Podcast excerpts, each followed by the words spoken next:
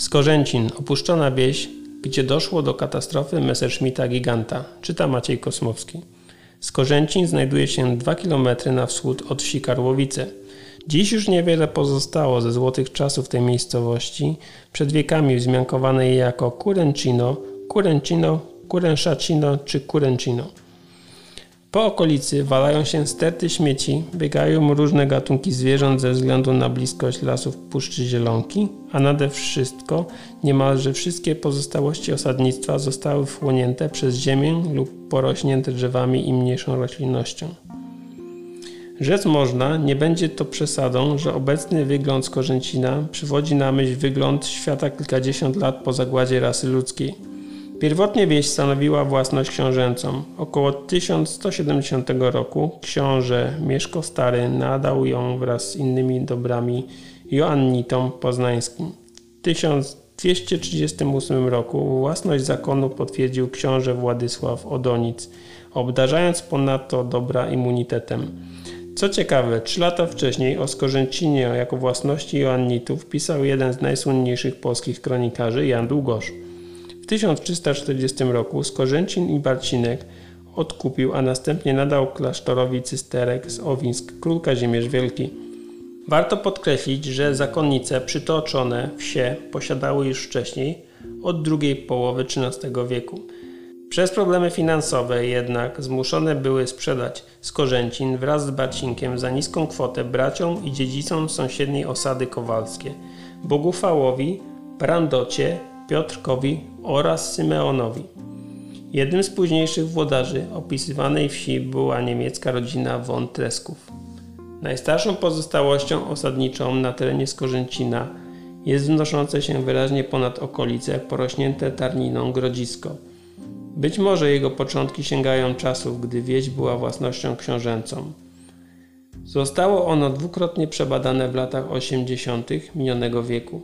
Znajdując się na skraju lasu, ma formę ściętego stożka o wysokości 10 metrów i średnicy podstawy 33 metrów.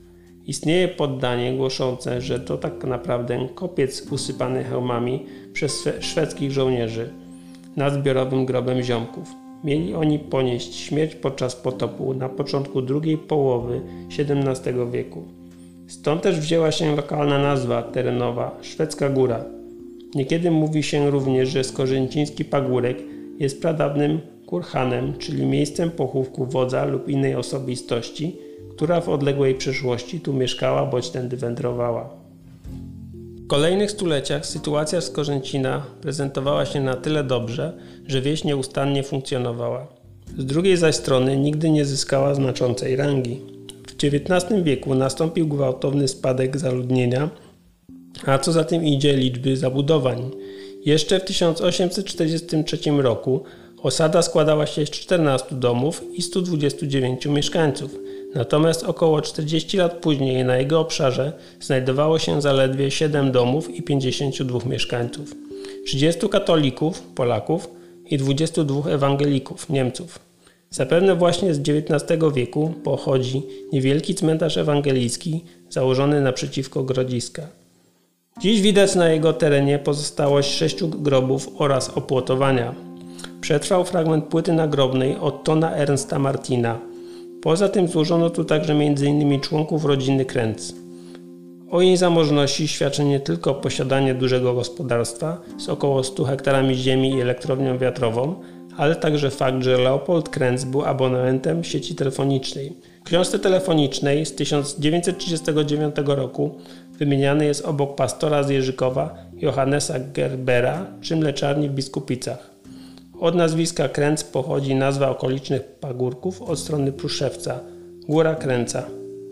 Na tym wzniesieniu 3 sierpnia 1944 roku rozbił się potężny samolot transportowy Messerschmitt ME 323 Gigant, w których wyprodukowano nieco ponad 200 egzemplarzy. Samolot wyjątkowy nie tylko zważywszy na unikatowość, ale również dlatego, że sprawą ponadprzeciętnego wyposażenia bojowego ta konkretna maszyna pełniła funkcję ochrony szyku podczas lotu. Katastrofa została zatajona przez włodarzy Warterland, wskutek tego dzisiaj nieliczni wiedzą o wydarzeniu, które jest istotnym elementem historii lotnictwa II wojny światowej, znanym wśród badaczy tematu. Samolot leciał z lotniska Luftwaffe w Bednarach, dokąd latających stodół, jak niektórzy potocznie nazywają giganty, przybyło wtedy aż 28 sztuk. Celem podróży stanowiło oddalone około 300 km lotnisko w czeskim mieście Chrudim.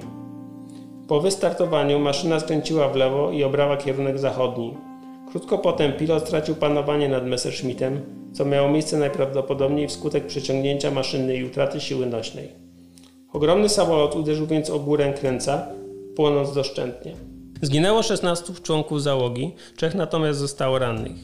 Zabitych pochowano na niemieckim cmentarzu garnizonowym na poznańskiej Cytadeli, skąd w latach 90. zostali przeniesieni do kwatery zbiorowej żołnierzy niemieckich na Miłostowie. Od momentu zakończenia II wojny zaludnienie Skorzęcina zaczęło ponownie gwałtownie spadać. Mieszkańcy pochodzenia niemieckiego po triumfie Związku Radzieckiego wynieśli się za Odrę, ale ten aspekt raczej nie miał decydującego wpływu, gdyż domostwa przejęli przecież Polacy. Wiele wskazuje na to, że jedną z osób, które opuściły zanikłą wieś, był wspomniany już zamożny Bauer Leopold Krenz.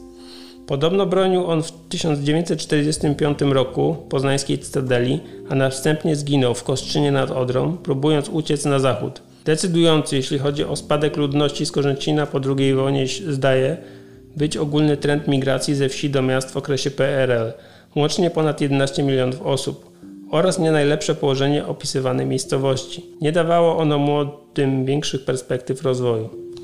Ostatni mieszkaniec opuścił osadę w 2005 roku. Był nim Stefan Wdowiak, który długo żył samotnie, po tym gdy w 1987 roku zmarła przedostatnia osoba żyjąca w podupadającej osadzie, jego żona Zofia. Autor pamięta, że w dzieciństwie czasami wydywał starszego pana na wozie ciągniętym przez konia. Mieszkał on w starym budynku z zapadającym się dachem, po którym dziś nie ma już śladu. Wokół domu biegała watacha agresywnych psów. Obecnie w Skorzęcinie można jedynie dostrzec małą budowlę pełniącą w przeszłości funkcje gospodarcze i ruiny kilku budynków. Początki Skorzęcina sięgają średniowiecza. Latami wieś nie znikała z powierzchni ziemi, jedynie zmieniała rozmiar, liczbę ludności i właścicieli. Nie znikała mimo epidemii, klęsk żywiołowych czy najazdów wrogów, których przypuszczalnie była świadkiem. Aż nadeszły XIX i XX wiek, które wyciągnęły z kapelusza duże zmiany, przede wszystkim o charakterze gospodarczym i społecznym. Dwa minione stulecia, bez najmniejszych wątpliwości, można uznać za grabarze miejscowości na obrzeżach gminy Pobiedziska.